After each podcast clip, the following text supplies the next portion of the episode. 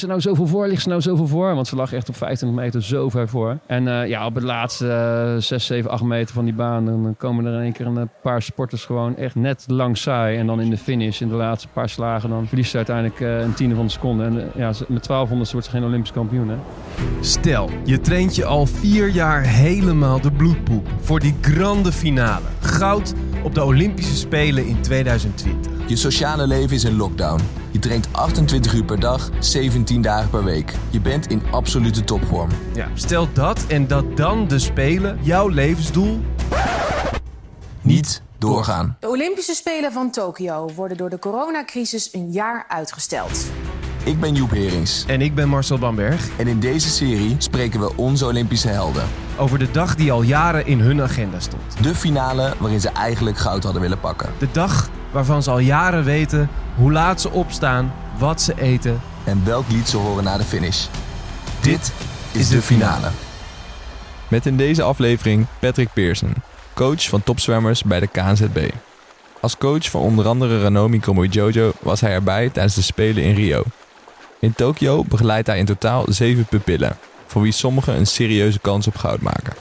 We spreken af in het Slotenparkbad, de plek waar Nederland volgens Patrick vele Olympische titels aan te danken heeft. Hier trainden en trainen een paar van de snelste zwemmers van de wereld.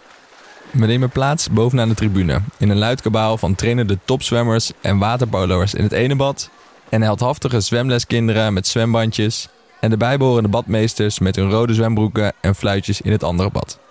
En dat Amsterdamse bad verandert voor nu even in het bad in Tokio op de dag van de finale. Hoe heet het bad, bad waar we moeten zitten? Ja, ik doe even een dubbelcheck, maar Tokyo Aquatics Park volgens mij. Ja, vrij zeker. Aquatic Center of Park. Aquatic ja. Center, ja. Ja. Gloedje nieuw. Alles om ons heen verandert in dat gloednieuwe centrum. Dat is een mooi bad. En vandaag is de dag van de finale. Mooi. Daar is ons eerste probleem. Jij bent trainer van acht pupillen. Ja. Lezen we overal nergens. Dat betekent dat je dus ook meerdere dagen, meerdere finales hebt. Ja, dat klopt. Eh, nou is wel een finale is echt wel, eh, dat is niet voor iedereen weggelegd. Dus ik heb acht pupillen, maar dat betekent niet dat iedereen finale zwemt. Eh, we hebben ook nog series waarin de sporters en ook halffinales, waar mensen zich uit uiteindelijk moeten kwalificeren voor finales. Ja? Dus eerst series, dan halve en dan finale. Dus in de series klopt, dan heb ik waarschijnlijk een stuk meer sporters dan dat je dat in de finale hebt. Maar het is, ja, ik ben heel wat gewend hè, met, met andere toernooien dicht op elkaar. Dan is eigenlijk zo'n Olympische Spelen waar je misschien maar ja, twee, één, twee, misschien drie zwemmers per sessie aan het werk hebt. Hoogstens vier. Ja, dat is echt wel heel overzichtelijk. Oké, we, we, we beelden ons in dat er een finale is. Van wie maakt niet zoveel uit. Maar Mhm. jij bent coach. Ja, En vandaag is die dag. ja. Waar begint jouw dag? Hoe laat staat je wekker? Hoe laat sta je op? Wat doe je daarna? Eh, nou, het- meestal zijn die eh, series. Nou, in, in, in Tokio zijn de series in de middag. Eh, normaal gesproken zijn we eigenlijk gewend dat de series in de ochtend zijn en de finales of halffinales in de middag. Maar gezien de tijdzone waarin we zitten in Tokio en eh, de televisierechten die door de NBC zijn gekocht. Ja, dat heeft met de Amerikaanse uitzending. ja, die betaalt gewoon echt heel veel geld voor. En, Waardoor jullie op een ander tijdstip gaan zwemmen dan ja, normaal ja, ja, gesproken. ja, ja. Dus dat heeft best wel... ik weet nog wel in 2008, toen eh, Pieter van Hoogmacht naar de Spelen ging... Toen, eh, nou, dat was ook best wel, nou, best wel kwaad maakte zich daarom. Dat door, door de commercie eigenlijk de sport verandert. Nou is het niet zo dat wij s- 's morgens niet hard kunnen zwemmen. Maar over het algemeen is het wel zo dat de prestaties ja, in de ochtend wel wat moeilijker, iets minder goed zijn dan dat je dat in de middag hebt. Het lichaam is gewoon fysiek tussen vijf en zeven in de avond beter dan in de ochtend. Maar goed, we hebben dus in de middagen de series. En eh dus in de middagen waarschijnlijk tussen zes en negen, zo'n beetje s'avonds. En in de ochtend rond een uur of half tien, tien dan eh, bij de finales. Dus eh, ja, terugkomend op je vraag, hoe la- afhankelijk hoe laat mijn sporter is. Maar mocht het dan uitgaan van de, dat iemand een finale heeft, ja, dan ik, ik sta dan meestal wel drie, vier uur van tevoren, denk ik dat ik wel wakker ben. Het hangt ook heel erg af wat die sporter doet. Want Drie, Ja. vier uur voor de... voor de Wedstrijd? race. Ja, want ik ben wel minimaal wakker. Ja. Maar dat heeft echt alles te maken met het programma van die sporter. Want je moet je voorstellen dat zo'n sporter die... Ja, het meest ideaal is dat zo'n sporter wel vier, vijf van tevoren wel wakker is al. Want het lichaam moet toch echt geactiveerd worden in de ochtend. En op het moment dat je tot het laatste moment uitslaapt en met drie uur voor je race dan is dat wel vrij kort. En dan zie je toch ook wel vaak dat het lichaam wat minder geactiveerd is. Dus eerder opstaan, dat werkt vaak goed. En eh, nou, zo'n sporter die gaat dan eh, vaak voor zichzelf even land trainen op de kamer. Dus doet hij wat eh, oefening op het droge. En daar ben ik zelf niet bij, want ik ben dan gewoon nog eh, waarschijnlijk aan het slapen. maar, eh, het leven van een coach. Ja, ja, ja. En dan draai ik me nog één keer om. Ehm, mijn vakantie. ja, precies. Maar eh, ja, op een gegeven moment gaat hij ontbijten. En dat doen we natuurlijk in de grote eetzaal op het Olympisch dorp. En eh, ja, daar ben ik dan wel bij. Hè, want ik vind het wel, en dan lopen we ook wel samen daar naartoe. Het hangt ook wel een beetje af wat de sporter wil. Maar over het algemeen, eh, ja, je bent best wel... Het is best wel een eenzaam eh, gebeuren. Eh, en en zo'n dag is best spannend. Vooral voor de atleet, maar voor de coach ook wel een beetje spannend. Het is wel een andere dag dan een normale dag. En is dat pure routine? Heb je dat, is dat, dat heb je al bij een WK samen gedaan, EK's, of is dat, dat spreek je echt af van tevoren? Hey, die dag is de finale. Ehm, nou, dit is wel routine hoor. Er zit wel een routine in. Dus ja, natuurlijk bespreek je dat nog wel een keer met elkaar. Maar in principe eh, ga je er ook wel van uit, van allebei van, van, met elkaar van uit, dat je dat ook doet. Hè, dus, eh, dus, ja, dus ik denk, ja, afhankelijk hoe laat de sporter zwemt. Maar ik denk dat het iets van drie, vier uur eh, voor de race is. Dus ik denk tot een uur of half zeven of zo, dat je dan wel, wel wakker bent, up and running. Tot nu toe dacht ik altijd dat de trainer en de coach zo'n beetje bepalen wanneer de sporter opstaat. Elk gesprek wat wij hebben gevoerd, zeggen de mensen... Nou, het toppunt was Lilian de Geus, de windsurfer. Die zei, ik zet geen wekker. ik word vanzelf wakker, want ik ben een ochtendmens. Ja, maar die moet waarschijnlijk in de middag in actie komen. Ja, 12 Ja, ja maar dat is Dus wel echt... vind ik heel vroeg als je geen wekker zet. Nee, dat klopt inderdaad. Dan, dan moet je eigenlijk wel, op het moment dat je dan een uur of negen wakker wordt, is dat wel echt laat. Ja. Maar bepaal jij hoe laat die wekker staat? Nee, dat bepaal ik niet. Maar het is wel zo dat door de jaren heen en uit ervaring, hè, je doet natuurlijk wel als coach zijn, dan ga je wel goed kijken wat werkt voor zo'n atleet. Ehm, en dat hangt dan heel erg samen met. eh, en natuurlijk, hè, op het moment dat je die avond ervoor bijvoorbeeld een wedstrijd hebt gehad en je komt om. eh, hè, je hebt de, de series gehad, hè, want die zijn dan s'avonds. En, en eh, er is dopencontrole en je, bent, je hebt, de estafette gehad, er is dopencontrole. En dan kan het best wel zijn met het eten en alles op en eraan, dat je echt misschien pas om half elf, elf uur s'avonds pas op je kamer bent. Ja, en op het moment dat jij natuurlijk dan om tien uur s morgens in actie moet komen de dag daarna, dan ga je niet om vijf uur opstaan. Hè, want dan wordt het een hele korte nacht. Dus dan ga je wel goed balanceren tussen ja, de rust ook en wat die activiteit de dag ervoor is. Maar vanuitgaan dat de atleet die avond ervoor, want ik noem even de zwemmer de atleet. Ja, mooi. eh, ja, we hebben het over atleten. Dat hij de avond ervoor niets heeft. Ja, dan, eh, dan heb je wel al eerder met elkaar afgestemd wat dan een ideaal tijdstip is. En dat is wel trial and error. En dat gaat niet op de minuut nauwkeurig natuurlijk. Hè. Dat gaat eerder op een half uur of een uur nauwkeurig. Maar ook wel vanuit de wetenschappelijke literatuur zien we ook wel vaak dat, dat, dat vier, uur van tevoren wel opstaan wel nodig is. Dus ik bepaal dat niet per se. Maar die sporter wil natuurlijk het beste voor zichzelf. En ik ook. Dus we doen het gewoon in goed overleg eh, middels trial and error. En jij noemt de series zijn al die dag ervoor. Maar hoeveel rust heeft een, een atleet, een zwemmer, op de Olympische Spelen, op de finale dag? Hebben ze de dag daarvoor de halve finale gezwommen? Of zit daar meer tijd tussen? Ehm, nee, de dag ervoor hebben ze een halve finale gedaan, maar dat hebben ze dan wel s'morgens gedaan. Ah, oké. Ja, dus je doet de halve finale s'morgens. En de dag daarna in de ochtend heb je de finale. Maar ja, afhankelijk dus of jij nog eh, andere afstanden hebt, dan kan het best wel zijn dat je dan s'morgens eh halve finale doet, maar dan smiddags de series van een andere afstand moet gaan doen. Om dan vervolgens de dag daarna de finale te zwemmen, maar misschien ook een halve finale weer van een ander nummer. Hè, dat, is natuurlijk, en dat, ja, dat is natuurlijk wel iets waar je kritisch naar kijkt. Hè, dat kan echt wel het geval zijn met estafettes. Of als iemand echt een omvangrijk programma heeft. Met, dat iemand echt heel goed is op verschillende nummers. Maar normaal gesproken ben je daar wel wat selectiever in. Hè? Want ja, je moet je voorstellen als je s'morgens die halve finale zwemt. En je gaat dan smiddags... Kom je, hè, moet je weer naar de bad toe en dan series zwemmen tot laat. En dan die dag daarna die finale. Ja, dat kan best impact hebben. Hè, niet voor iedereen, maar dat... Ja. Het kan bijvoorbeeld ook zo zijn, een van jouw eh, zwemmers kwalificeert zich s ochtends voor de finale de volgende dag. Kan het ook zo zijn dat je besluit, we gaan die serie op dat andere nummer niet meer zwemmen. We pakken extra rust. Zeker, dat kan. Absoluut. Dat is niet de eerste keer. Dat is wel iets wat je van tevoren met elkaar bespreekt. Hè? Hè, want ja, stel je voor die finale haal je niet. Ja, dan ga je sowieso die series van dit afstand zwemmen. Maar, en ook afhankelijk hoe je kansen zijn. Hè? Misschien, kijk, ik denk wel als je in de Olympische finale staat, dan dicht je jezelf. Als je in de Olympische finale staat, heb je een kans. Hè? Dus als jij als achtste doorgaat naar die finale, heb je gewoon een kans op medaille. Hè? En natuurlijk niet bij elk nummer, maar in principe dan krijg je weer een baan, dan krijg je weer een kans. En dan moet je eigenlijk ook vanuit gaan dat je medaille kan halen. Ja, dan ga je, dat, dan ga je daar wel goede keuzes in maken. Hè, dus, en dat is niet per de, natuurlijk bespreken dit scenario's, die neem je allemaal van tevoren door. Dat is ook een van de taken als coach zijn. en Dat je daar ook de leiding in neemt. Goed nadenkt, ook stel je voor, dit hou je. Of je bent zoveel dan. doen we dat niet of dan doen we dat wel. Zodat je die sporter ook op voorbereidt. En die sporter wil op dat moment ook waarschijnlijk gewoon hetgeen wat goed voor hem is. Dus Doe je dit ook op de dag zelf nog? Dus dat je eh, plannen maakt samen. Eh, Misschien staan die allemaal al vast. Neem je die nog een keer door? Ja, ik, op de dag zelf kom je eigenlijk relatief weinig tot hele nieuwe inzichten. Natuurlijk wel als er blessures zijn of er speelt iets anders. Hè, of, maar in principe zijn dit plannen die je allemaal van tevoren hebt bedacht. Een draaiboek voor hebt liggen. En die je dan eigenlijk gewoon aftikt. Hè. Dus die, die sporter heeft gezwommen. Die gaat eerst even herstellen. Die gaat goed voor zichzelf zorgen. Met voeding, met, met uitzwemmen. Hè, want dat is dus eigenlijk even dat melkzuur eh, uit het lichaam. En eh, ja, daarna kom je, tref je elkaar ergens weer. En dan maak je even. En dan, hè, dan, dan neem je dat even door. Hoe was je race natuurlijk? Je bespreekt na. Maar dan neem je ook onder andere door. Hè, wat hebben we besproken voor vanmiddag? Oké, dat gaan we wel doen of dat gaan we niet doen. Of ja, dat zijn wel dingen die al eigenlijk al wel in een vat gegoten zijn. En dan ja, eigenlijk. dat, dat heb je na een minuut of drie gehad. Ja, dat is ook zo. En ja. dan?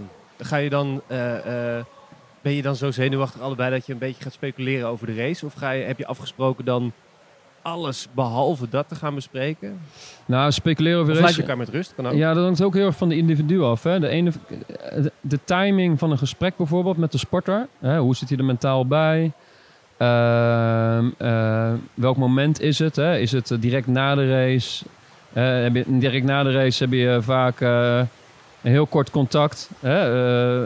Misschien een schouderklopje of, eh, of goed gedaan. Of eh, hele korte analyse, zeg maar. Maar dan gaat het vooral om verzorging. Ik denk dat het voor een atleet ook belangrijk is dat hij even de tijd neemt met uitzwemmen. Ook goed zelf na te kunnen denken van hoe was het nou? De ene atleet komt het water uit, die weet precies hoe het was gegaan en die wil het kwijt. De andere die, die heeft echt geen idee en die wil het even laten bezinken. En daarna, en misschien is er wel heel veel emotie ook nog in, dat kan ook nog. Hè? Dus dan is het helemaal geen goed moment om te evalueren.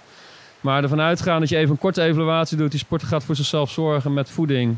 Hè, met een eiwitshake, met, met wat eh, uitzwemmen. Dan zijn ze toch al snel een half uur mee zoet met zo'n totaalprogramma.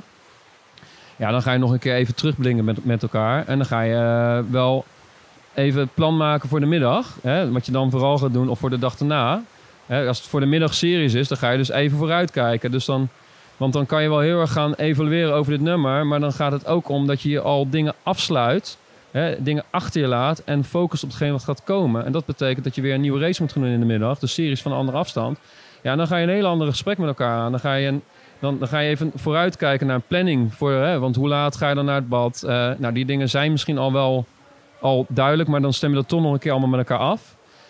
Ehm, nou, en mocht zo'n sporter in de middag niet zwemmen, ja, dan ga je echt ruim evalueren. Dat is na het uitzwemmen ga je evalueren. Maar vervol- vervolgens komen er ook beelden binnen van de analisten. Er komen analyses binnen van die race. En met data. Ja, en dan ga ik dus eerst... Van hem of haar? Of Ja, van de, eh, van de ik sporter. wil de vijand zeggen. Nee, nee, nee, niet van de concurrent. Nee. Nou, dat kan trouwens ook nog, maar dat is pas helemaal achteraf. Maar op een wedstrijd doen we niks met concurrentie. Dus wij krijgen geen extra informatie van concurrentie. Eh, maar eigenlijk is het ook zwemmen is best wel een solo sport. Natuurlijk kun je wel wat aan elkaar hebben tijdens het racen. Maar wij sturen ook heel erg op het proces van hoe zwem je.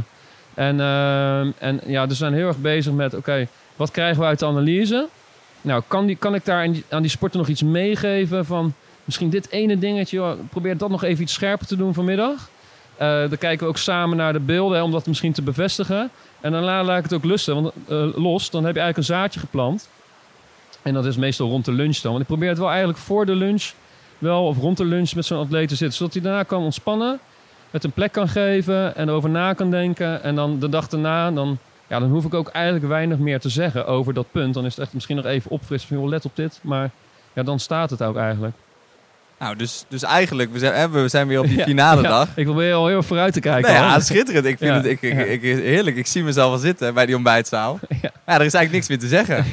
Want ja, Eh, alles nee. is al besproken. Nee, klopt. Bij de ontbijtzaal, ik geloof erin dat je, je moet ontspanning... Wat je, de rol van een coach op zo'n dag, natuurlijk is het wel begeleiden.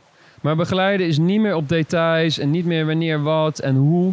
Begeleiding, die begeleiding staat. Hè, het enige wat je, of enige, wat je vooral je taak is eigenlijk is observeren. Zelf rustig blijven, observeren hoe die atleet erbij zit. En bijsturen in, in gedrag. Hè, of in gedrag eigenlijk je moet eigenlijk een optimaal spanningsklimaat creëren voor die sporter. En door in gesprek met hem te zijn en door te observeren, ja, dan kun je eigenlijk zien, is hij te gespannen, is hij ontspannen? En je moet ook niet de hele tijd gaan vragen, ben gaat het? Eh, Hoe is het met je? Eh, Ben je gespannen of niet? Want dat is natuurlijk, dat wil je absoluut niet. Dus het is echt door heel veel nauwe samenwerken, dan kan je eigenlijk zien of zo'n sporter zich anders gedraagt. Spannend, hè? Ja, spannend. Ja, bijvoorbeeld spannend. Hè? Nou, dus, eh, ja, dan krijg je misschien... ja, heel spannend. Ja, ja. ja oké. ja, mooi. Ja, nee, maar dan is het ook wel de rol als, als coach zijn om dat een beetje te neutraliseren. Hè? Van, joh, waarom, ben je nou, waarom vind je het spannend? Wat, eh, wat, wat, spe- wat, wat speelt er allemaal in je hoofd? Waarmee ben je bezig waarom je het spannend vindt? Ja, dan hoor je misschien dingen dat ze eh, misschien bezig zijn met het resultaat. Of dat ze gewoon heel erg graag eh, hard willen zwemmen. Of nou, dat soort zaken. En dan is jouw rol als coach, denk ik, hè, en natuurlijk voor de een werkt het beter dan voor de ander, om dat een beetje eh, te rationaliseren en klein te maken eigenlijk. Zodat, zeker als het nog ruim voor de race is, ja, dan wil je eigenlijk gewoon eh, relaxed zijn. Niet te veel energie kwijt zijn met, eh, met eh, spanning op het lichaam of alleen maar nadenken de hele tijd. Hè, dus eh, die sport heeft natuurlijk heel veel technieken ervoor met ademhaling, met afleidingen, met eh, rustige muziek luisteren. Maar ja, soms als coach kan je daar wel een rol in hebben. Dus het ontbijt is gewoon het ontbijt. Is het ook, is het ook wel eens gezellig? Kan het Ja. nog gezellig zijn op een Olympische finale dag? Mm, eh, dat is een hele leuke vraag. Nee, dat kan zeker. Alleen ik denk wel, dat komt wel met ervaring ook. Hè? Ik denk, eh, als je de allereerste keer op de Spelen staat, ja, daar zit, dus dit is beladen. En ik denk als coach zijn, eh, heb je misschien wel een rol om dan wat meer ontspanning te zoeken bij die sporter. Hè? Grapjes te maken, beschouwend te zijn over wat je hebt gedaan, of wat hij zij heeft gedaan, of wat je ziet in je omgeving. Ja, dan ben je eigenlijk continu aan het afleiden. En eh, ja, dat, is- dat, dat is wel. Ik denk dat dat, dat helpt wel. En eh, als, zeker als je, soms komt het wel eens voor dat je echt met- alleen maar met jouw atleet bent, hè, samen. Maar het is ook wel fijn als er meer dynamiek is. Hè? Dat je ook misschien met de fysiotherapeut erbij zit. Of misschien met andere teamgenoten. Of, eh, ja, dat maakt het ook wel iets makkelijker. Ja, dus je, je- kunt de rol op je nemen van sfeermaker. Ja, absoluut. En van dimmer. Ja, En van, ik ga de hele tijd nog op technische aspecten zitten. Ja, dat is wel gevaarlijker, denk ik. Ja. Ja, want je moet je voorstellen, technische aspecten de hele tijd op zitten, dat is iets wat we in training doen. En in wedstrijden is racen. Wedstrijden is best wel veel loslaten, in je hoofd scherp zijn en racen. En op het moment dat je dan heel erg gaat nadenken over het hoe, ja, dat wil je niet. Je, wil daar, je, hebt zo- je moet je voorstellen dat je eh, uur na uur na uur, meter na meter, zo lang, al vier jaar lang aan het trainen bent. En, en ook heel veel races hebt geoefend. Ja, dan, als dan die race er is, ja, dan moet je vooral vertrouwen hebben, voelen, geven dus. En, en, eh, en, en in het hoofd gewoon goed zijn. En, want het verschil tussen 8 en 3, of 3 en 1, dat is echt vooral een mentaal verschil. Dat, is geen, dat komt niet meer aan op technische dingen. Dan moet je echt gewoon op de automatische piloot staan, in je hoofd goed zijn en gaan. Voel jij aan die ontbijttafel al, dit wordt hem vandaag? Eh, dat is ook een hele leuke vraag. Eh, ik, voel, ik voel in ieder geval wanneer het een moeilijker wordt. Eh, of het hem wordt, dat is nog altijd een beetje de vraag. Maar ik kan wel zien wanneer het een moeilijk verhaal gaat worden. Ja, dat, moment, Waar ligt dat dan aan? ja, toch die spanning. Dus op het moment dat je iemand heel stil en veel gespannen en... ja, dat, het hoeft nog niet te zijn dat het dan altijd niet goed gaat. Hè. Dat kan best wel zijn dat iemand omdraait. zo. Maar op het moment dat iemand dat de hele tijd zou zijn... Ja, dan wordt het wel een lastig verhaal. Want ik, ik, Natuurlijk, sommige mensen kunnen goed zwemmen met spanning, maar het gaat altijd wel om optimale spanning wat voor die sporter werkt. Ja, op het moment dat je echt ziet dat het iemand zichzelf aan het opvreten is en ja, gewoon niet kan ontspannen, dan wordt het, ja, dat kan best wel lastig zijn. En er zijn natuurlijk zijn er uitzonderingen, maar ik ken wel die sporter dusdanig goed dat ik dan weet als hij zo ander gedrag vertoont dat het misschien wel moeilijk gaat worden. Dat kan. Maar niets is ondenkbaar. Het is altijd nog steeds een rol als coach zijn om die sporter wat relaxed te maken en ontspannen. En dan kan je natuurlijk altijd nog tijd keren. En dat is niet altijd, die vaardigheid werkt niet altijd, maar dat is wel jouw taak. Het verschil tussen eindigen als achtste of als Olympisch kampioen is dus vooral een mentale kwestie. Loslaten, goed zijn in het hoofd en gewoon racen. En daar ziet Patrick zijn rol als coach. Je geruststellen dat de voorbereiding meer dan voldoende is geweest. En je afsluiten van de rest van de wereld. Niet alleen figuurlijk, maar ook letterlijk. Geen communicatie met buitenaf. En dat gaat soms zo ver dat de sporters tijdelijk een ander telefoonnummer krijgen. Eh, ik denk dat het voor de meeste sporters niet werkt om dan dat soort dingen in de gaten te gaan houden. Omdat, ja, wij hebben zelfs een regel in het verleden gehad dat je je telefoon beter uit kan zetten. Eh, of dat je, hè, soms krijgen ze een apart nummer, dat alleen maar een paar familieleden dat nummer hebben. Zodat ze dan alleen maar die familieleden die sporten kunnen be- bereiken bij hoge nood. Want ja, je wil je gewoon... Het risico dat je afgeleid bent in een negatieve zin... die is groter dan dat je iets deed wat positief is. Dus, dus je wil gewoon risico's afdekken. En dat, dat, wat je dat noemt, dat vind ik wel bijzonder. Hè? Dat iemand een apart nummer krijgt. Ik kan me dat voorstellen. Is dat iets wat je samen met iemand bedenkt? Of wat je oplegt? Als, ja, je legt het nooit echt op, kan me voor maar... Dat is een soort spanningsveld. Ja, dat is iets wel wat we in de groep bespreken. Want ik, het, ja, in principe, toen we naar Rio gingen, toen hebben we dat wel groepsbreed besproken. Van jongens, eh, geef gewoon bij een aantal mensen aan dat ze alleen kunnen be- bereiken voor een aantal dingetjes. Hè, via social media's of via WhatsApp of zo. Eh, maar in de basis ja, bespreken we dat gewoon een groep. En dan onderbouwen we ook waarom we denken dat het belangrijk voor ze is. En voor, toen hebben we ook wel een paar keer geoefend daarmee. Want ja, je moet je voorstellen, voor de, voor de mensen die echt de hele dag op social media zitten... en dan opeens bijvoorbeeld een week lang bijna niet... ja, dan is dat best wel on, on- onwennig. Hè, dus ik denk ook op trainingstages of op andere wedstrijden daarmee oefenen... ja, dat is wel belangrijk. Maar, Maar- uiteindelijk, sorry, sporten bepaalt. De sporter, kan uit, sporter bepaalt altijd uiteindelijk. Hè. De sporter kan altijd bepalen voor zichzelf of dat wel niet doen. Maar wij hebben natuurlijk altijd wel een streng advies. En wij hebben ook wel fatsoensnormen. hè. Wij hebben bijvoorbeeld geen mobiel aan tafel. Hè, dus de sporters die kunnen ook, eh, dat- of nou op trainingstages of wedstrijden zijn, de sporters gewoon geen mobiel op tafel. Zodat ze ook in gesprek zijn met elkaar. Dus eh, Die wel eens lastiger ertussen zitten. Die denken, ik ga ja, ja, ja, ja, zeker. Ja, ja nu, ik hoor, eh, nu ik een lach, dan weten diegenen die dit laten horen, die moeten dan waarschijnlijk ook een beetje lachen. Nee, ik ga geen namen noemen. Maar er zijn echt wel een paar mensen tussen die dat echt heel moeilijk vinden. En dan gaan ze stiekem onder de tafel zo. eh, en dan eh, roep ik de naam en dan is het, eh, ja, ja, ja, weet je wel, en dan balen ze ervan. Maar ja, we hebben nou een fatsoensnormen en het is gewoon belangrijk. Je bent, ja, je bent met een groep op pad en dan is het ook gewoon belangrijk dat ze in contact zijn met elkaar. Fatsoensnormen. Als coach gaat Patrick's rol dus verder dan alleen de prestaties in de wedstrijden. Zorgen dat de groep in contact staat met elkaar, maar verder met niets of niemand. Geen sociale media, weinig contacten met je familie of überhaupt geen communicatie met de buitenwereld. Een bijzondere rol. Zeker als je bedenkt dat we te maken hebben met iemand die op zevenjarige leeftijd huilend naar zwemtraining moest worden gebracht en besloot: hier kap ik mee, de groeten. Toch volgde een zwemmersloopbaan met uiteindelijk een carrière als topcoach. Die zwemmersloopbaan was wel belangrijk. Ik, mijn moeder, die, eh, eh, mijn broer, ik had een broer en waren eh, zeven, acht jaar oud. En, zes, zeven jaar oud zelfs. En we hadden last van onze longen. En toen had mijn moeder gezegd joh... of, nee, mijn moeder was naar de huisarts gegaan. En de huisarts zei, ja, stop ze op zwemmen, want dan train je je longen goed. En we waren astmatisch. En ehm, nou, dus zo gezegd, we begonnen samen. Mijn broer begon iets eerder met zwemmen. Ik volgde vrij kort daarna. Alleen ik vond eigenlijk helemaal niks. Dus ik, had, eh, ik zat te huilen en eh, ik, ik kon het niet zo goed. Dus eh, na een paar weken denk ik, kap je mee. Dus toen ben ik naar de padvinders gegaan. maar dat heb ik echt maar een paar maanden volgehouden. En toen toch, omdat mijn broer die ging, ging prijzen winnen en zo. En toen ben ik toch teruggegaan. Dus was ik zeven, zeven jaar oud uiteindelijk toen ging zwemmen. En dat heb ik gedaan tot mijn 17e, 18e. Echt wel, nou, echt wel zes keer per week ook wel trainen.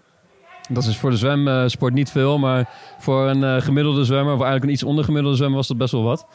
Ehm, en toen, eh, ja, we hadden een hele ongezonde vereniging eigenlijk, met eh 40 zwemmers en één trainer. Dus in die zin, dat is eigenlijk veel zwemmers, maar weinig trainers. En Ja. eh, dat maakt het natuurlijk fragiel en kwetsbaar. Dus toen, eh, mijn moeder... welke zin? Nou, omdat als die trainer wegvalt, dan heb je gewoon niets. En, eh, en überhaupt één trainer op zo'n grote groep, dan, ja, dan kun je eigenlijk niet de begeleiding bieden die je zou willen. Hè. Wij werken nu in groepen van 7, 8 zwemmers. Ja, dan is eh 40 zwemmers natuurlijk, eh, ja, dan ben je vooral aan het, eh, aan het managen, zeg maar, aan leiding geven. En niet aan het sturen op techniek. En mijn moeder, die, die ging toen een trainerscursus organiseren, want die zat in de zwemcommissie. En onze trainer die gaf die. En toen vroeg ze aan mij, "Joh, Patrick, is er niks voor jou? Toen ben ik het gaan doen. En toen was ik opeens trainer. En dat vond ik eigenlijk veel leuker dan het zwemmen. Hoe oud was je toen? Eh 17. Oh, dat is nog super jong ook nog. Ja, ja, ja, ja. Ik ben inmiddels 38, dus ik doe het al 21 jaar. En, eh, maar ja, ik ging dat steeds meer doen en steeds minder training geven. Eh, steeds minder trainen zelf. En toen ben ik op een gegeven moment 18 gestopt met zwemmen. Maar ja, gewoon eh, fulltime gaan. Ja, fulltime. Het is eigenlijk was 20 uur in de week of zo bij de club. Maar daarna studeerde ik gewoon bedrijfskunde. En na mijn bedrijfskundeopleiding consultant dus geworden bij Accenture, wat we net al zeiden. En dat vond ik ook wel leuk. Alleen eh, ja, dat zwemtrainersvak, dat vond ik echt wel veel leuker. Dat coachen.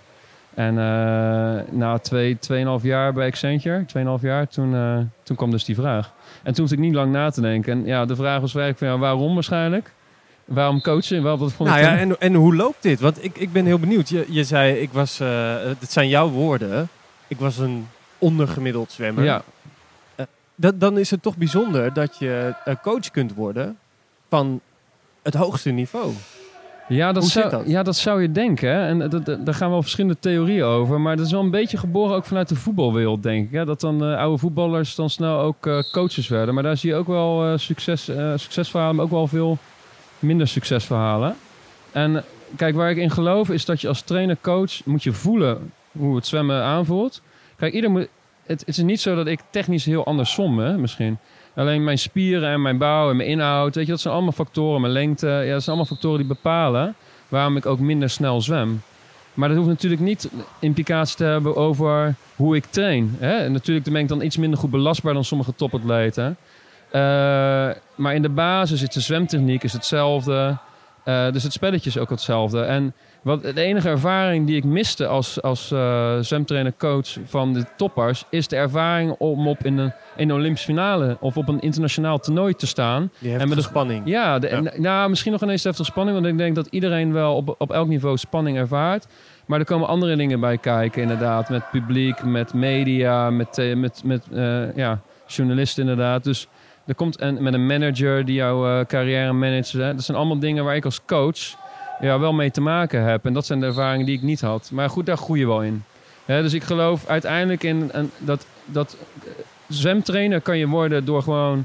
Ik voelde het al wel hoe je, hoe je zwemt. Maar door het vak gewoon te leren met zwemtechnische kennis. Coach is wel iets wat meer bij je persoonlijkheid past. Ja, en dat is wel iets wat je... Natuurlijk kun je dat echt wel ontwikkelen. Alleen er zit ook wel iets wat dicht bij jouw aard eh, ligt. En de ene is daar iets beter in dan de andere. Als coach maakt Patrick snelle stappen. Zulke grote stappen dat hij mee mag op het hoogste niveau, de Olympische Spelen. Het zijn de Spelen waarop hij coach wordt van onder andere Olympisch kampioen Ranomi Kromowidjojo. Een atleet met wie hij een bijzonder traject aangaat. Een trainingswijze die hij later de Pearson Way zal gaan noemen. Ja, dat is wel een bepaalde filosofie eh, of een bepaalde werkwijze die ik had. Ja. Wat was die werkwijze? Ehm, nou, ik, ik denk dat was eigenlijk, het was niet specifieke werkwijze, het was wel een manier hoe ik gewoon met Renomi, ik, Renomi kwam onder, eh, in 2014 onder mijn hoede, zeg maar. En dat was wel een hele moeilijke fase voor haar. Eh, ze had natuurlijk het Olympisch succes gehad van 2012. Ja, en die periode daarna, om, hè, om dan gemotiveerd te blijven, eh, plus alle druk die buitenaf, hè, want er wordt echt veel van je verwacht als je natuurlijk tweevoudig Olympisch kampioen wordt bij een toernooi. Die was best wel groot. Dus die zocht echt wel veel afleiding en ontspanning ook wel buiten het zwembad. Niet, ook niet zeker wetend of ze nog door wilde gaan. En toen ben ik haar in 2014 gaan coachen. En dat was wel, toen zat ze wel echt in een diep dal. Eh, qua motivatie, eh, qua fitheid. Eh, hè, de relatie met Pieter van der Hogemat destijds, die liep toen ook op de klippen. En toen, toen ging ik met haar werken. Dus toen heb ik gezegd, van, ja, we kunnen op deze manier doorgaan. Of we gaan echt een harde reset doen. En een harde reset, dat klinkt misschien... ja, je doet natuurlijk nooit een harde reset. Maar wat ik heb gezegd, oké, alles wat we nu hebben gedaan in het verleden... het korte termijn, eh, vergeten. We gaan nu gewoon opnieuw alles meten bij jou. Alles wat we kunnen meten, gaan we nu meten. En dan gaan we gewoon voor elk puntje waarvan, je, waarvan we denken... dat is echt belangrijk voor jou, gaan we doelstellingen aan koppelen. En ehm, ja, toen hebben we dat samen hebben we dat traject eh, opgepakt. En dat, eh, dat ging snel goed. Ze maakte hele snelle stappen. En ik denk dat dat een beetje de Pearson was. Is dat ja, toch eigenlijk... ik, ik meet veel. Eh, ik ben best wel eh, statistisch onderbouwd. Ik wil graag dingen eh, zien hoe iemand zich ontwikkelt. Omdat ik er namelijk in geloof dat als je kunt zien hoe je ontwikkelt, dat het echt, echt een stimulans is voor een atleet. En dat is niet alleen maar op een toernooi, maar dat is ook gewoon in het proces ernaartoe. Ja, want ik zou ergens zeggen, hè, 21e eeuw sport, alles is, het komt zeker bij zwemmen. Het komt het gewoon op de, de honderdste, soms de duizendste. Ik heb het gevoel, je hebt een coach nodig voor hè, het, het, het fysieke aspect, het technische aspect, het, het, het psychologische, het lifestyle. Is dat Ja. niet, of hoe, wat is jouw visie daarop? Nou, nee, absoluut. Hè. Dus we hebben ook experts op gebieden. Hè. Dus we hebben biomechanische experts. eh, eh, we hebben een fysioloog. We hebben een, hè, die bij ons metingen doet. We hebben een fysieke trainer, hè, bijvoorbeeld drogen. Dus die, die de krachttraining doet van NSC-NSF. We hebben een mentale begeleiding. Hè, een sportpsycholoog, maar ook wel eh, klinische psychologen om ons heen staan. En natuurlijk heb je op elk vlak experts. Maar mijn taak is vooral het technisch programma neerzetten en waarborgen. Dus dat betekent dat ik in ieder geval over die experts, hè, dat ik het, het centrale punt ben. Hè, dus je zet de coach en de atleet centraal. En daaromheen bouw je een heel expertteam. En daarmee hebben we dus heel veel contact. Maar uiteindelijk gaat het wel om dat ik het technische programma schrijf. Of eigenlijk schrijft Marcel Wouder dat en ik eh, pas het aan voor die sporters van mij. Hè, dus dan hebben we het over eh, wedstrijden plannen, eh, trainingen plannen, maar ook training invullen met een programma. Eh, en ook langs de badrand zwemtechnische tips geven. Eh, maar, en dan de coaching op de wedstrijd, dat ligt vooral bij ons. Kijk, op het moment dat je dat allemaal uit de handen geeft op de wedstrijd, ja, dan mis je dus de grip van die atleet. Terwijl je eigenlijk de hele tijd samen met die atleet alles samen doet. Ja, ik denk dat het heel sterk is dat je dan een heel sterk tweetal hebt en daaromheen gewoon een heel expertteam eh, bouwt. En hebben verschillende zwemmers verschillende Pearsons nodig? verschillende Ja, ja, coaches? Ja, ja, dat is de, de kunst van de coach. Is, je bent natuurlijk een persoonlijkheid. En je hebt een bepaalde filosofie over hoe je coacht. Maar dat past ook wel heel erg bij jou als, eh, als persoon. Hè. Ik ben iets rustiger en ik ben heel erg van het vertrouwen uit handen geven. En eh, hè, eh, eigen verantwoordelijkheid nemen, zelfregulerend zijn. Dus dat, dat stimuleer ik ook allemaal. Ehm, en dat zijn wel lijnen en een visie die ik over de hele breedte van de groep uitzet. Alleen dan betekent het nog steeds wel zo dat de ene atleet heeft ja, iets meer ondersteuning nodig. Of, hè, of hoe formuleer je een aanwijzing? Of hè, kun je bij die sporter gelijk zeggen, joh, ik denk je het zo moet doen? Of terwijl bij de andere moet je dat misschien veel meer onderbouwen met veel meer detail. Terwijl de een zegt, ik hoef helemaal geen detail te weten, ik wil gewoon weten wat ik moet doen. Hè, dus dat zijn wel de nuances die je echt wel moet maken binnen zo'n programma. En ehm, ja, dat, daar, daar zijn natuurlijk betere koppels. Hè? Dat sommige die zwemmers sluiten net iets beter aan bij die coach qua technieken. Maar ik denk wel dat het voor coach belangrijk is dat je gewoon die variatie kan aanbieden. En dat is een van de key eigenschappen, denk ik. Maar wel een hele moeilijke. Hè? Dus een hele moeilijke om continu te switchen tussen. Want het is ook wel een beetje toneelspelen. Of toneelspelen is een beetje eh, misschien een, ja, een beetje gechargeerd, denk ik. Maar het is wel de kunst om te schakelen. En eh, net even de juiste knop te raken per zwemmer. Hoe, hoeveel, hoeveel is die spreiding van de mensen die, onder, die jij begeleidt? Is dat, zijn er veel van die je al acht jaar zeg maar, begeleidt, zoals je noemt? Of zijn er ook sommigen die echt nou ja, een overstap naar jou hebben ja, gemaakt? Nou, Of- dus eh, de helft van de groep, ik heb zeven zwemmers trouwens, niet acht, maar ik heb zeven. Eh, vier van die zeven eh, begeleid ik echt al wel langer. Eentje is er wel even tussenuit geweest bij een andere coach, maar dus drie echt heel lang, al zeven, zeven jaar, acht jaar. En die andere drie die erbij zijn gekomen, die begeleid ik eigenlijk pas drie maanden en een jaar of zo, half jaar. Dus ja, het is best wel divers. Ja. Terug naar de dag van de finale. Want of ze nou pas twee maanden of al acht jaar samenwerken, voor Patrick en zijn pupil is uiteindelijk het doel om in die Olympische finale te komen. En als het even kan, goud te pakken. En dat doe je niet in een helikopter of een fancy limousine. Nee, dat doe je gewoon met de bus. De zwembus. Samen met je grootste concurrenten. Je gaat gewoon met een zwembus daar naartoe, naar de locatie. En die vertrekt eh, ja, bijvoorbeeld elke 10 minuten of zo eh, is er waarschijnlijk een bus. Soms is het zelfs zo als eentje voor is, dan gaat de volgende. Want ze kunnen een beetje moeilijk inschatten hoeveel mensen er gaan zijn. Maar goed, je gaat met, eh, met elkaar in de bus. Meestal ga je dan wel naast elkaar zitten. Als je elkaar echt zat bent, dan ga je niet naast elkaar zitten. Hè? Nee, maar in en principe... in die bus kunnen ook de grootste concurrenten van, van, ja, van de dag zeker, zitten. dat kan. Ja, ja. Ja. Ja. Dus zwaai, even naar, eens even naar elkaar. Of, nou, die, die sporters hebben best wel goed contact met elkaar. Dat is altijd wel een praatje. In ieder geval een hoi van dag.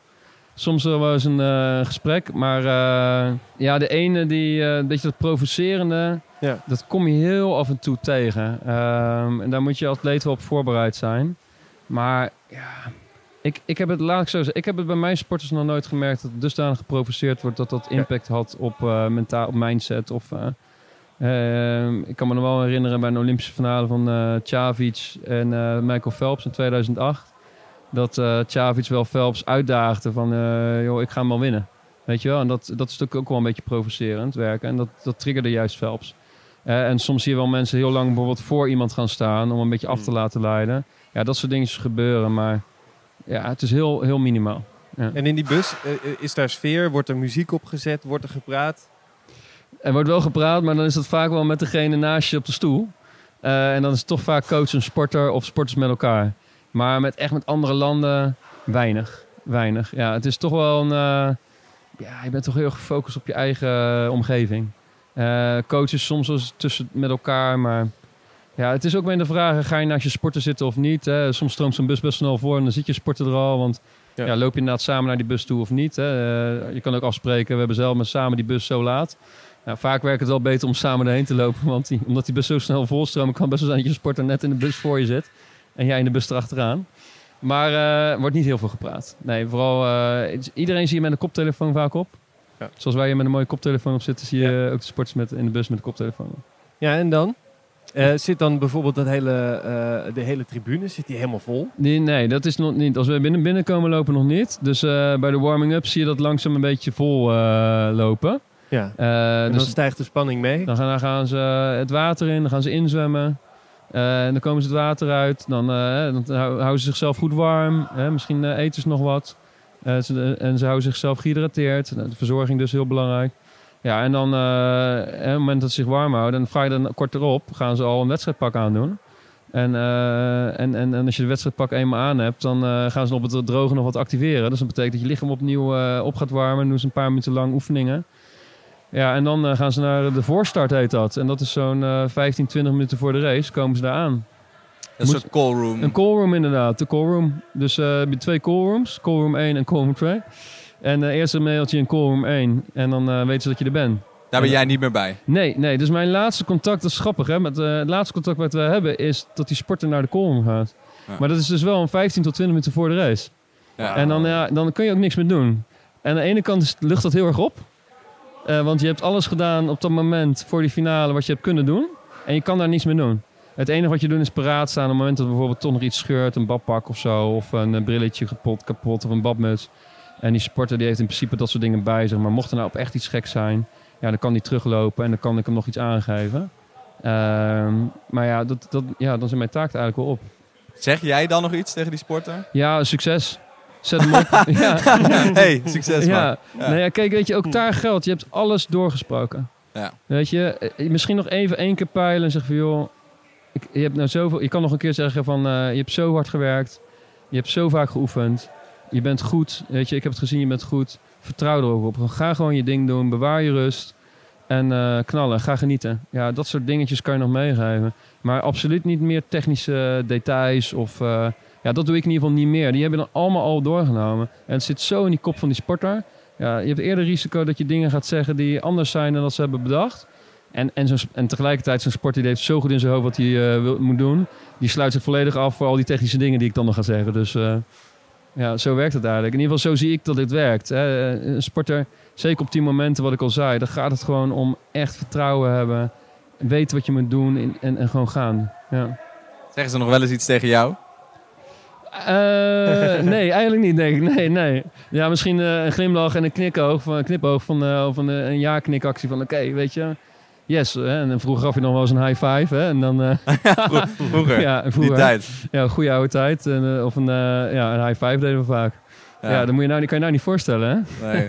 We hebben een sporter die dit keer voor jou iets heeft achtergelaten. Oké, Ehm, ik ben benieuwd. Hey Pet. Weet je nog, ongeveer acht jaar geleden, toen ik als bonustaak bij jou in de groep kwam? Jij was degene die geloofde in mijn potentieel. En sindsdien zijn wij samen gaan bouwen aan onze Olympische droom richting dit moment. De finale 100 meter vrije slag. Dat de finale hier in de ochtend gezongen wordt, komt voor jou natuurlijk goed uit. Want als ochtendmens puur zang verwacht ik niets anders van jou dan dat je vlijmscherp bent van deze finale. Net als ik. Nog een paar motiverende woorden, maar verder houden we het simpel. Want we vertrouwen op ons plan, zoals we dat altijd doen. Het blijven tenslotte maar die twee baantjes. Maar probeer er, net zoals ik, toch ook een beetje van te genieten. Want dat maakt het moment extra mooi. Ik zie je zo na de finish. Ja, leuk. Heel leuk. Wat eh, ook leuk om te horen dat hij in ieder geval hetzelfde overdenkt met de punten die ik had aangegeven. Hè, met eh, met eh, niet te veel zeggen, want het plan staat. Dus eh, ja, dit is eh, Stan, hè? Stan Pijnenburg. Stan Pijnenburg, een van, een van jou, nou ja, ja, acht jaar ja, wij gaan samen. lang terug. Wij gaan lang terug. En eh, nou ja, ik vind dat super leuk, want ja, op het moment die stand kwam binnen, is om eh 54,5 seconden op de 100 vrije slag en die is nu eh 48,9 seconden. En ja, als je dan weet dat je Olympisch kampioen kan worden met een, eh, ik zeg niet dat dat, een, eh, dat, dat gelijk een eh, next, next volgende doel is, maar met 47,0 of zo, dan, en dan zit je echt wel, kom je echt wel in de buurt. In ieder geval van eh, van dat wereldniveau. En eh, ja, dat, dat is wel een, een, een succesverhaal van gewoon lang samenwerken. En we zijn er nog niet, hè, want ja, we moeten echt nog stappen maken. En dat, eh, dat weet Stan als geen ander. Dat, en, hij- en hij is echt wel een hele toegewijde sporter. Ik vind het echt eh, van jongs af aan tot dit moment. Ja, mooi traject. Want hoe oud was hij toen hij bij jou kwam? Eh, ja, dat was in 2012. Dus was hij echt net 16, denk ik. Ja, en hij is nu 24. Dus dat, eh, 16 is heel iets anders dan 24, kan ik je vertellen. Hij kwam ook Het is ook heel leuk bij Stan, want Stan die woog, ja, ik denk dat hij 69 kilo woog. Eh, toen hij bij mij binnenkwam op zijn 16. En toen was hij al iets van 1,94 of 1,93 denk ik. Eh, we noemden hem ook wel de gespierde spijker.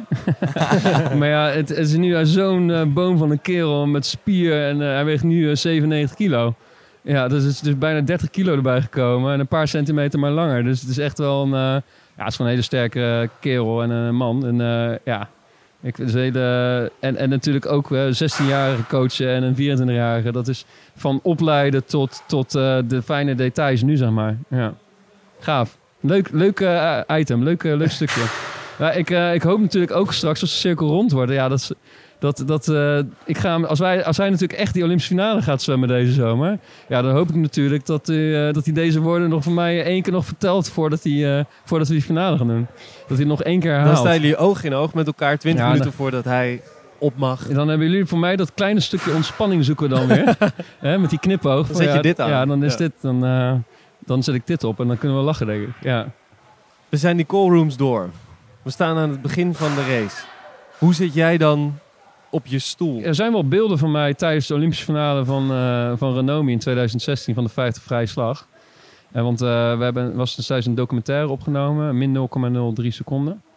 En eh, dat ging eigenlijk over de coach-sportrelatie en over wat zijn sporter en coach allemaal eh, voor over hebt en hoe dat proces eruit ziet. Ik zou iedereen aanraden om hem nog te zien. Van eh Docmakers, van Suzanne Raas. Echt een fantastische documentaire. En dus niet omdat ik er zelf in zit dat ik hem fantastisch vind. En eh, ja, dan zie je dus... eh, hè, we waren aan het einde van de Olympische week. En eh Renomi is om de finale 50 vrije slag. En dat was geen succesvol toernooi. We hadden een zware toernooi gehad. Eh, we hadden een paar vierde plaatsen, eh, vijfde plaatsen. En dus er lag heel veel druk bij haar op de schouders. En ook bij mij. Om het tot een succes te maken. En ja, ze ging toch altijd wel naar zo'n finale als wel als echt wel een kans hebben voor medailles. Misschien zelfs wel Olympisch kampioen worden. En eh, ja, en gedurende die race dan, eh, ja, ik verstar, ik, eh, ik, kijk wat er gebeurt. Ik heb nog even één keer contact met mijn coach. Met mijn coach, met een coach naast me, mijn collega coach, niet mijn coach. Misschien tijdens het ook wel mijn coach, dat was Martin Truijns. En ligt ze nou zoveel voor, ligt ze nou zoveel voor? Want ze lag echt op 25 meter zo ver voor. En ja, het was wel heel, het was wel heel, het was misschien iets te enthousiast begonnen. En eh, ja, op het laatste eh, 6, 7, 8 meter van die baan, dan komen er in één keer een eh, paar sporters gewoon echt net langs saai. En dan in de finish, in de laatste paar slagen, dan verliest ze uiteindelijk eh, een tiende van de seconde. En ja, met 1200 wordt ze geen Olympisch kampioen. Hè? Ongelooflijk Nou, ik- ja, dus, en dan word je zesde, hè? met 1200 van de seconde. Was Hoe voel jij je op dat moment? Ja, waardeloos. Eh, verslagen. Dus ja, je, ja, eigenlijk van mijn mond open. Je ziet ook een beeld dat met mijn handen naar mijn haar grijp, zeg maar. Van achteren zie je dat. En een paar keer mijn haar knijp. Van, eh, ja, gewoon, eh, wow, wat is hier gebeurd? En verslagenheid. En dan, eh, hoe kan dit? Eh, en je gaat gelijk nadenken. En wat gebeurde er nou precies? En ja, dat was, wel, dat was echt pittig was dat. Het was echt een, dat, dat is wel een van de zwaardere momenten voor mij geweest in de laatste vijf jaar, zeg maar. Dat moment. Dat was echt wel een pittige, schoon grote teleurstelling. Hoe erg reken je jezelf dat dan aan als coach als er iets... Als het Heel- niet heel gaat erg. zoals je het hoopt? Heel erg. Ik ben zeker, ik ben zo heel erg zelfkritisch. Ja, en dan eh, ga ik gelijk reflecteren. Ik zit gelijk in de reflectiemodus. En natuurlijk ook teleurstelling, maar ik ga heel erg gelijk bij mezelf kijken. Shit, wat, eh, wat is niet goed gegaan? En dus, Wat is het dan wat je jezelf aanreikt? Ja, dan ga je eh, eigenlijk de dingen die je van tevoren al eh, denkt dat. Hè, je gaat toch ook een beetje zelf invullen. Stel, stel je voor als het niet zou gaan, wat zou het dan kunnen zijn? Hè? Dat soort dingen ga je toch ook van tevoren een beetje bedenken al. Ja, gaat natuurlijk vanuit dat het goed gaat. Hè? En je hebt ook heel veel positieve punten voor jezelf. Maar je bent net zoals je sport ook nadenken van stel je nou voor dat het niet zo goed gaan. Ja, dan ga je toch nadenken ook over de begeleiding. Hè? En ik denk die week, ja, was een echt een spannende week. En ik denk dat ik toch net iets, ik was de eerste keer bij een Olympische Spelen. Ja, toch ook wel naar het einde van die week toe toch ook te gespannen was. Ja, dus je moet voor jezelf kijken van hoe kun ik die ontspanning bewaren, zodat je die sporter in staat stelt om ontspannen te kunnen blijven. Want op het moment dat de sporter aan jou gaat merken dat je gespannen bent, ja, dat gaat niet werken. En ik merkte, ik, eh, ik klapte iets te veel dicht, denk ik. En ik was denk ik iets te weinig in staat om ook ontspanning en rust te zoeken. En waar ik wel heel goed deed, was eromheen rust creëren. Hè? Dus eh, haar afzonderen. Maar ik denk dat ik zelf ook te gespannen was om dat op een goede manier toch rust te kunnen bewaren. En dit is de ervaring die je moet krijgen als, als, als eerste keer op de Olympische Spelen. Hè? Dus de allereerste keer is dat echt wel een uitdaging. En dat, dat moet groeien. En bij zo'n ja, bij zo'n 50 vrije slag, dan, dan, komt, dan moet echt, het gaat om, echt om details. Hè? Dat gaat echt om, dat gaat natuurlijk ook om je hoofd goed zijn, maar op het moment dat je in je hoofd niet goed bent, dan gaan de details fout. En als de details fout gaan, je kan niet in zo'n race groeien. Dat is gewoon een krachtinspanning van 20 seconden. Ja, 24 seconden bij de dames. ja, op het moment dat je daar net een paar dingetjes net niet goed doet ook dan... En dat was ook, hè. Ik denk dat Renomi heeft het ook al gezegd in haar race... dat ze ook wel net iets te enthousiast was in het begin van de race. En dan blaas je jezelf toch op een inspanning van 24 seconden iets te veel op. En dat zag je op het einde van de race, liep het iets terug. Maar je zou eigenlijk zeggen, je zegt dat is een ervaring die je op moet doen eerst Olympische Spelen. Zou je niet eigenlijk nooit, ja, dan krijg je zo'n catch-22, maar je zou eigenlijk nooit voor iemand voor het eerst op de Olympische Spelen willen hebben, snap je? maar dat kan, ja, Maar dat kan natuurlijk weer niet. Nee, Nee. Dus, eh, Nee. En dat was wel de scenario, waar, de, de deal die we hadden. Daar moet je mee leren omgaan. En het probleem is ook, je kan niet zoiets simuleren. Het kan gewoon niet. Je Nee. kan niet een Olympische finale. Je weet, eh, bij al die vragen die hebt gesteld aan al die sporters... En ook bij mij, je kan niet, niet zoiets simuleren. Het, het enige wat je kan doen is ervaring opdoen over de tijd. Dat, dat, eh, ja, dat je dan op een gegeven moment weet hoe het werkt. Een Olympische finale kun je niet simuleren, al dus Patrick. Laat dat nou net zijn waar wij normaal gesproken de podcast mee afsluiten. Dus laten we het toch maar eens proberen. Met de finale van de 100 meter vrij bij de mannen. Is de 100 vrij van Stan? Laten we die gewoon even ronde vrij pakken. van Stan, ja. Ja. Hoe Ja. gaat die lopen? Beschrijf hem eens. Als hij, oh, op het moment dat hij startsignaal gaat... Beschrijf die 100 meter is van hem en Nou, wat er ja. bij, bij jou gebeurt. Nou, oké, wat het leuke bij Stan is als Stan op het blok gaat staan, dan eh, dat is een van de weinige sporters, dan klapt hij nog een paar keer in zijn handen. En eh, dat leidt ook wel een beetje af, maar dat is ook wel gewoon eh, zijn, ja, iedereen heeft zijn eigen ding. Dus ik hoor die klappen van Stan, denk ik. En dan, dan, dan, dan weet ik al, dan, ja, dat is Stan, dat is goed. Ja, ik, ik, ik reageer denk ik bij mezelf ook al met mijn lichaam een beetje op dat startsignaal. Dus eh, ik hoor het, maar ik, ik heb ook een beetje een reactie denk ik in mijn... Eigenlijk kruip je het liefst het zelf in, in, in die, in die huid van die atleet, weet je dat? Eigenlijk wil je het dan op dat moment zelf doen. Dat wil je het ook eigenlijk niet zijn, maar ja, dat gevoel heb ik dan. Op dat moment als het startsignaal gaat, heb ik het gevoel van, oh, ik wil het zelf doen. Ik wil het nu zelf doen. Nou, als ik één ding eh Stan niet, eh, Stan kan toevertrouwen, is die 100 vrij zijn. Maar niet dat ik dat moet gaan doen. maar eh, ja, en, en dan, eh, dan eh, start hij en eh, ja, dan is hij al vrij snel onder water. Hè? Dan is dat stuk onderwaterfase. Ja, ik ben alleen maar aan het analyseren. Dus wat ik continu doe in die race is, oké, hoe gaat ze start? Hoe komt hij in het water? Hoe zijn zijn eh, kicks onder water? Hoe is zijn breakout? Hè? Want dat is een stukje wanneer je boven komt. Eh, zie, ik, zie ik de controle in zijn slag? Of zie ik dat het te wild is? Hè? En, eh, en dan denk ik in mijn hoofd, oké, nu moet je gaan versnellen. En dan ga ik tegen mezelf in mijn hoofd zeggen, oké, nu moet je versnellen, versnellen, versnellen, versnellen. Misschien dat ik dat nog wel zeg. Hè? Dat ik dan Ik hardop... zie dit hardop zeggen. Ja, dan zie ik mezelf versnellen, versnellen. Oké, goed, goed, goed. Weet je wel, dat soort termen praat ik dan. En dan, eh, oké, en dan is het eh, keerpunt aanvallend zwemmen. En, eh, dan kijk- Aanvallend zwemmen? Aanvallend, ja. Dat betekent goed doorzwemmen naar die muur toe. Echt het keerpunt goed aanvallen. Eh, en dan, eh, ja, dan, is die, eh, dan eh, kijken hoe snel draait hij.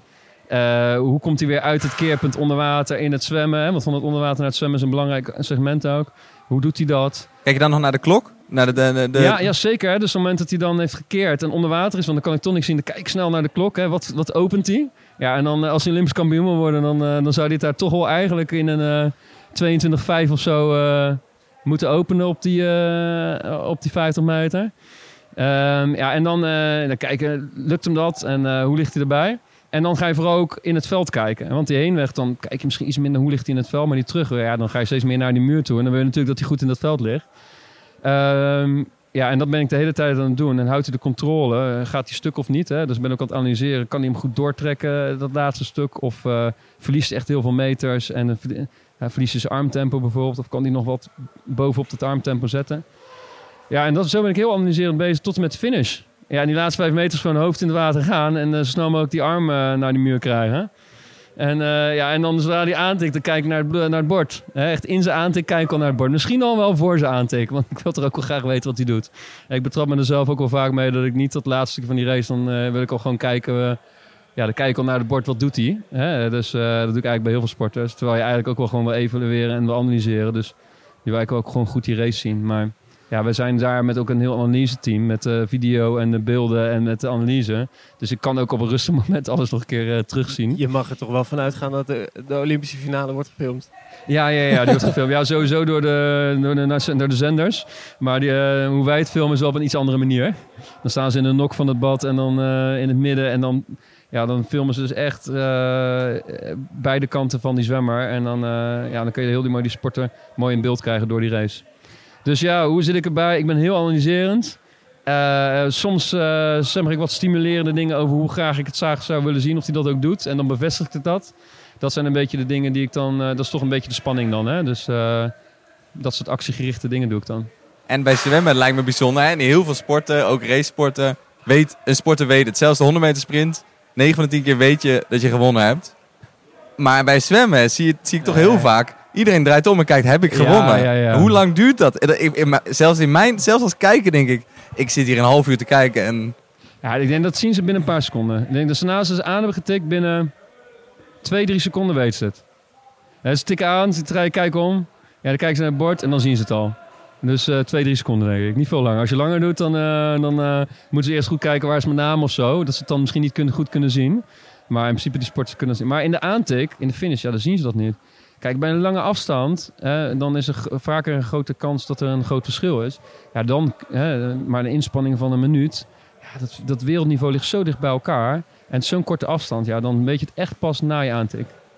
Hè, het, is, Jij niet- ook. het is niet een eh, Usain Bolt die dan eh, al afremt eh, over de finish bijvoorbeeld. Hè? Dus Dat- tevoren over. ja, de- ja, precies. Dat hij dan eh, al zijn hand omhoog steekt. Of bij het wielrennen, hè? dat je al bij wijze van spreken bijna eh, bij sommige etappes in ieder geval ruim die handen de lucht in kan doen voordat je de finish overheen gaat. Maar jij ziet dat ook niet als coach. Ik bedoel, jij bent buiten het bad. Jij, jij, Ja, ja, ik ben wel in het bad hoor. Dus eh, ik sta wel langs de badrand. ja. Hè, ik kan die sporten tot op eh 25, 30 meter zie ik hem staan. Hè, maximaal.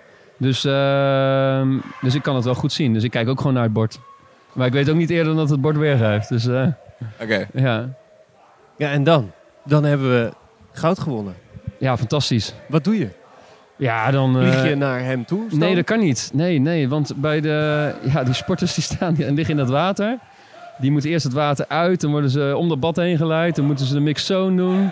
De media krijgt een eerste kans. En misschien dat ik dan wel eh, een duim eh, kan opsteken. Hè? Want we hebben, ik denk Zien wel, de media voor ze jou zien? nou, je wel echt voordat wij contact hebben kunnen hebben met elkaar. Wat ik wel kan doen is vaak misschien een duim of een vuist, een vuist of zo de lucht in doen. Ik, sorry, ik doe mijn vuist in de lucht. Ik draai weg van de microfoon. Maar eh, hè, een vuist in de lucht, dat, je zoekt wel contact, denk ik. Hè, zeker wel. Want je hebt zoiets eh, lang opgebouwd naar dit moment. Dus dan ga je contact zoeken met elkaar. Maar eh, ja, die sporten die, die moeten helemaal uit de bad teruglopen. Dan zie je elkaar, zwaaien misschien naar elkaar. En dan met een big smile. En dan loopt zo'n sporter naar de mixzone. Ja, en dan op het moment dat die sporter naar de mixzone gaan en ik niet meer zie. Ja, dan loop ik ook terug naar de andere kant van de mixzone. En dat duurt soms echt wel... eh, en dan kom ik natuurlijk allemaal mensen tegen... neem een felicitatie in ontvangst.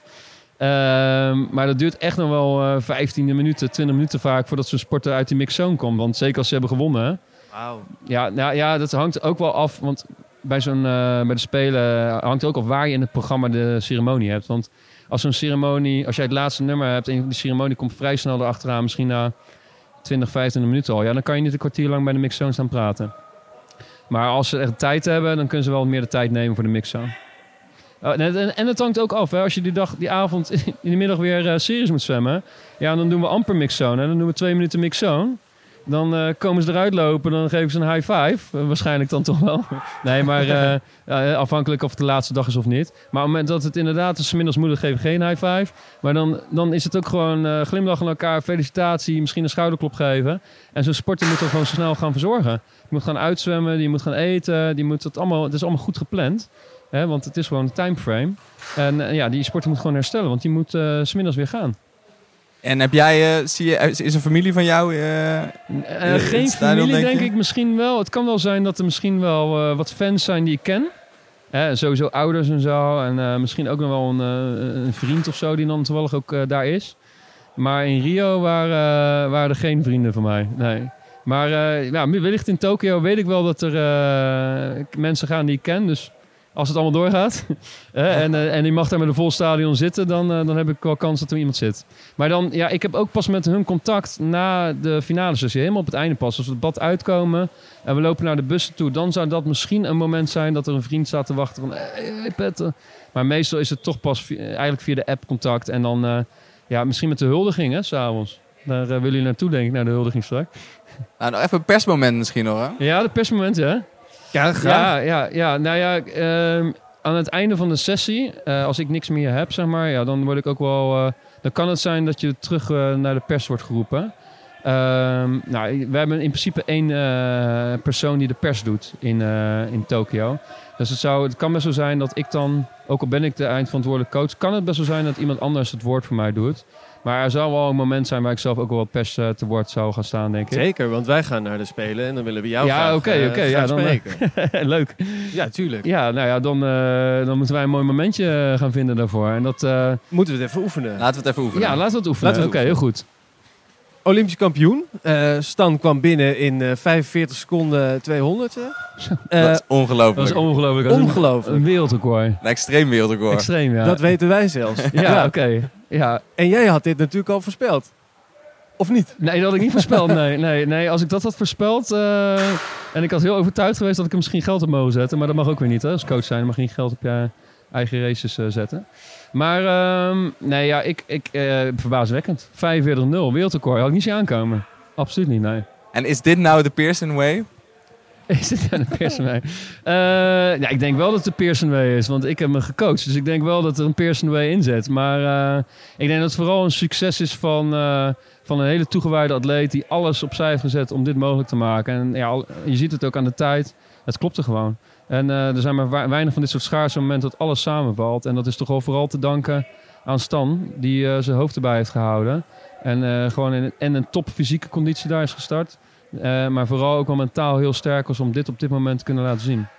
Uit enthousiasme sprong je zelf nog het water in. Eh, dat ging minder snel, maar in 48 seconden heen en weer. eh, best netjes. Voor mezelf? Ja. 48. Ja, daar hou ik niet hoor zelf. nee, nee. Nee, er maar 10 seconden bovenop. Als ik 48 zou zwemmen, dan kunnen ze van mij wel iets hebben voor de estafette ook. voor de 400 vrije slag. Maar We gaan dus ook nog even na. het zou een mooie dubbelrol zijn. Coachen en zelf zwemmen ook bij de Spelen. Ja, we, hebben, Pieter van Hogeband heeft eh, aangekondigd dat hij eh, eigenlijk wel wil gaan zwemmen als jij zijn coach wordt. Eh, wil je dat traject met hem aangaan richting Parijs? Nee, dan ga ik tegen Pieter bedanken. Dan zeg ik, Pieter, ik denk dat jij best op deze leeftijd hetzelfde jezelf kan coachen. Ik geloof, in, ik geloof er echt wel in dat hij nog steeds een hele goede zwemmer kan zijn. Maar ik geloof niet in dat hij nog 47, 48 seconden op de 100 vrij gaat zwemmen. En ook niet iets wat kan gaan toevoegen aan onze Olympische 400 vrije slag. Dus sorry Pieter hiervoor, maar ik eh, heb heel veel vertrouwen in je als, als sporter. Maar vooral ook in het verleden en nu iets minder. Nou, met vlag en wimpel geslaagd. Dankjewel, dankjewel. Ja, dat ging verrassend goed. Ja. Nederland wint goud. Patrick ziet zijn pupil recht naar een wereldrecord zwemmen op de 100 meter vrij in een buitenaardse tijd. Tijd voor het laatste onderdeel van de finale dag en dus van deze podcast. Stan en Patrick hebben een plekje verdiend achter de DJ-booth in het Holland House. Ze zijn licht in het hoofd van het wereldrecord en wellicht van een biertje of drie. En ze mogen een plaatje opzetten waar ze al vier jaar van dromen. En met precies dat nummer fluiten Joep en ik onze hoofdgast uit als afsluiting van deze aflevering van de finale.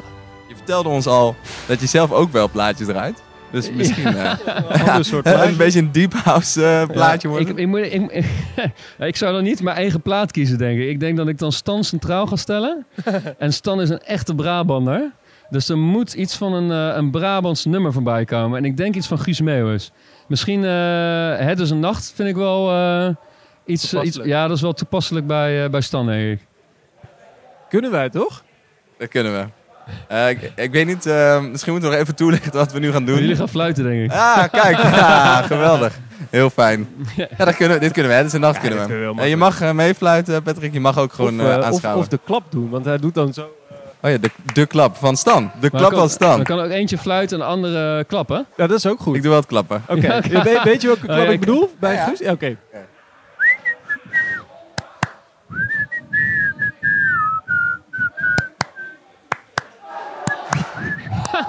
Nee, het is dubbelklap, één klap, dubbelklap, één Ik, klap. ik vond het mooi hoor. Ik vond het mooi. Ja? Ja, ja, Oké, ja. ja. Oké, goed genoeg. bent de Ik eerste denk, dat, ik denk dat Stan, nu in tranen, tu- tranen zit op het podium. We hadden niks anders verwacht.